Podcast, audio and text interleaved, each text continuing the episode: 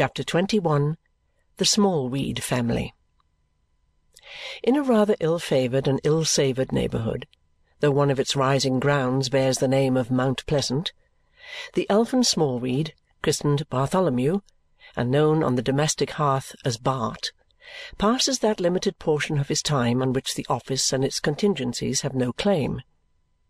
He dwells in a little narrow street, always solitary, shady, and sad, closely bricked in on all sides like a tomb. But where there yet lingers the stump of an old forest tree, whose flavour is about as fresh and natural as the Smallweed smack of youth. There has been only one child in the Smallweed family for several generations. Little old men and women there have been, but no child, until Mr. Smallweed's grandmother, now living, became weak in her intellect and fell, for the first time, into a childish state. With such infantine graces as a total want of observation, memory, understanding, and interest, and an eternal disposition to fall asleep over the fire and into it, Mr. Smallweed's grandmother has undoubtedly brightened the family. Mr. Smallweed's grandfather is likewise of the party. He is in a helpless condition as to his lower, and nearly so as to his upper, limbs, but his mind is unimpaired. It holds, as well as it ever held, the first four rules of arithmetic and a certain small collection of the hardest facts. In respect of ideality, reverence, wonder, and other such phrenological attributes, it is no worse off than it used to be. Everything that Mr. Smallweed's grandfather ever put away in his mind was a grub at first, and is a grub at last. In all his life he has never bred a single butterfly. The father of this pleasant grandfather of the neighbourhood of Mount Pleasant was a horny-skinned, two-legged, money-getting species of spider who spun webs to catch unwary flies and retired into holes until they were entrapped. The name of this old pagan's god was compound interest. He lived for it, married it, died of it. Meeting with a heavy loss in an honest little enterprise in which all the loss was intended to have been on the other side, he broke something, something necessary to his existence therefore it couldn't have been his heart, and made an end of his career. As his character was not good, and he had been bred at a charity school in a complete course, according to question and answer of those ancient people the Amorites and Hittites, he was frequently quoted as an example of the failure of education. His spirit shone through his son, to whom he had always preached of going out early in life and whom he had made a clerk in a sharp scrivener's office at twelve years old. There the young gentleman improved his mind, which was of a lean and anxious character, and developing the family gifts, gradually elevated himself into the discounting profession. Going out early in life and marrying late, as his father had done before him, he too begat a lean and anxious-minded son, who in his turn, going out early in life and marrying late, became the father of Bartholomew and Judith Smallweed, twins. During the whole time consumed in the slow growth of this family tree, the house of Smallweed, always early to go out and late to marry, has strengthened itself in its practical character, has discarded all amusements, discountenanced all story-books, fairy tales, fictions, and fables, and banished all levities whatsoever. Hence the gratifying fact that it has had no child born to it and that the complete little men and women whom it has produced have been observed to bear a likeness to old monkeys with something depressing on their minds. At the present time, in the dark little parlour certain feet below the level of the street, a grim, hard, uncouth parlour, only ornamented with the coarsest of baize table-covers and the hardest of sheet-iron tea-trays, and offering in its decorative character no bad allegorical representation of Grandfather Smallweed's mind. Seated in two black horsehair porter's chairs, one on each side of the fireplace, the superannuated Mr. and Mrs. Smallweed while away the rosy hours. On the stove are a couple of trivets for the pots and kettles which it is Grandfather Smallweed's usual occupation to watch, and projecting from the chimney-piece between them is a sort of brass gallows for roasting, which he also superintends when it is in action. Under the venerable Mr. Smallweed's seat, and guarded by his spindle legs, is a drawer in his chair, reported to contain property to a fabulous amount. Beside him is a spare cushion with which he is always provided in order that he may have something to throw at the venerable partner of his respected age whenever she makes an allusion to money, a subject on which he is particularly sensitive. "And where's Bart?" Grandfather Smallweed inquires of Judy, Bart's twin sister. "He ain't come in yet," says Judy. "It's his tea time, isn't it?" No. How much do you mean to say it wants, then? Ten minutes. Hey? Ten minutes. Loud on the part of Judy. Oh, says Grandfather Smallweed. Ten minutes. Grandmother Smallweed, who has been mumbling and shaking her head at the trivets, hearing figures mentioned, connects them with money and screeches like a horrible old parrot without any plumage. Ten, ten pound notes. Grandfather Smallweed immediately throws the cushion at her.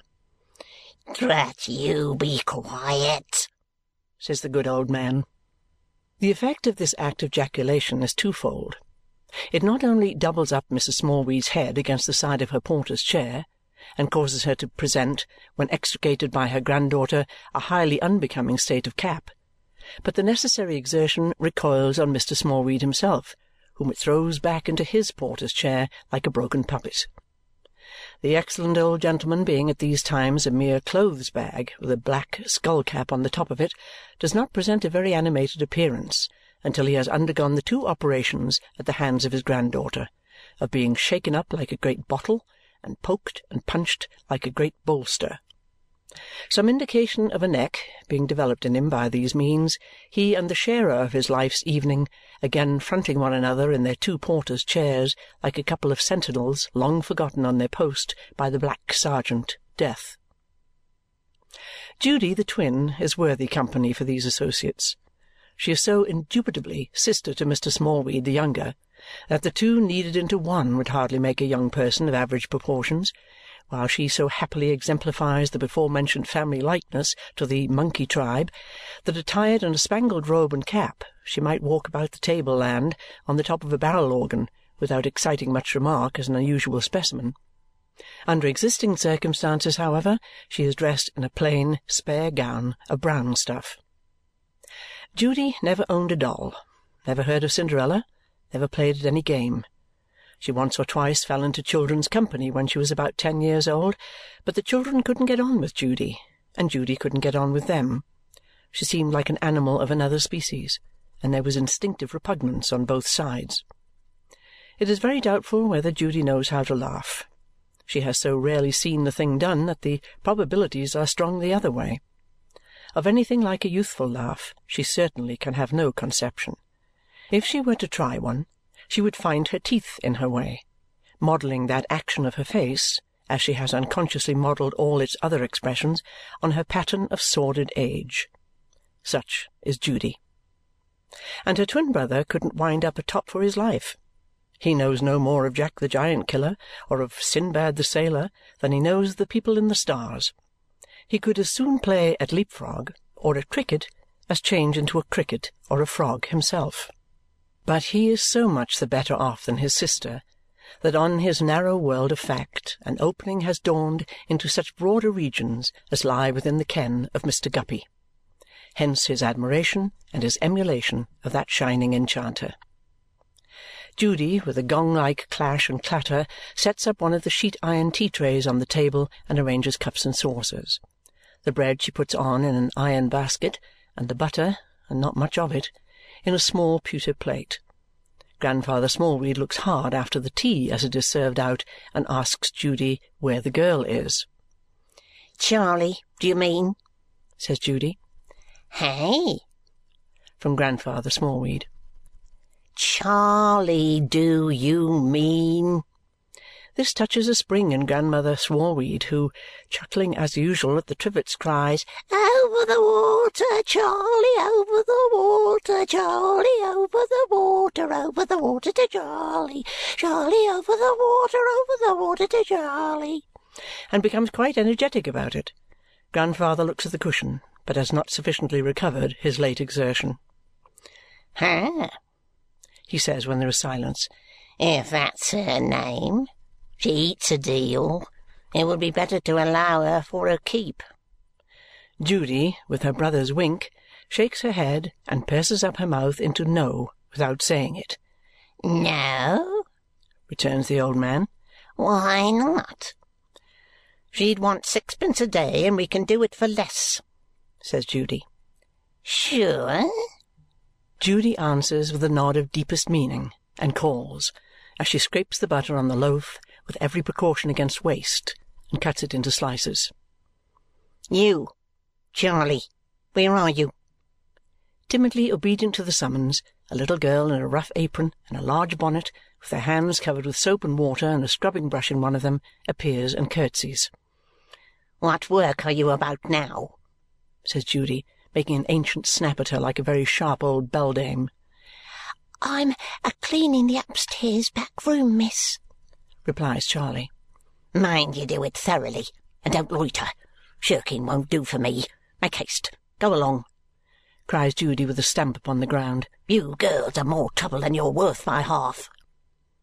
On this severe matron, as she returns to her task of scraping the butter and cutting the bread, falls the shadow of her brother, looking in at the window, for whom, knife and loaf in hand, she opens the street door. Aye, aye, Bart, says Grandfather Smallweed. Here you are, eh? Here I am, says Bart. Been along with your friend again, Bart? Small nods. Dining at his expense, Bart? Small nods again. That's right. Live at his expense as much as you can, and take warning by his foolish example. That's the use of such a friend. The only use you can put him to, says the venerable sage. His grandson, without receiving this good counsel as dutifully as he might, honours it with all such acceptance as may lie in a slight wink and a nod, and takes a chair at the tea-table.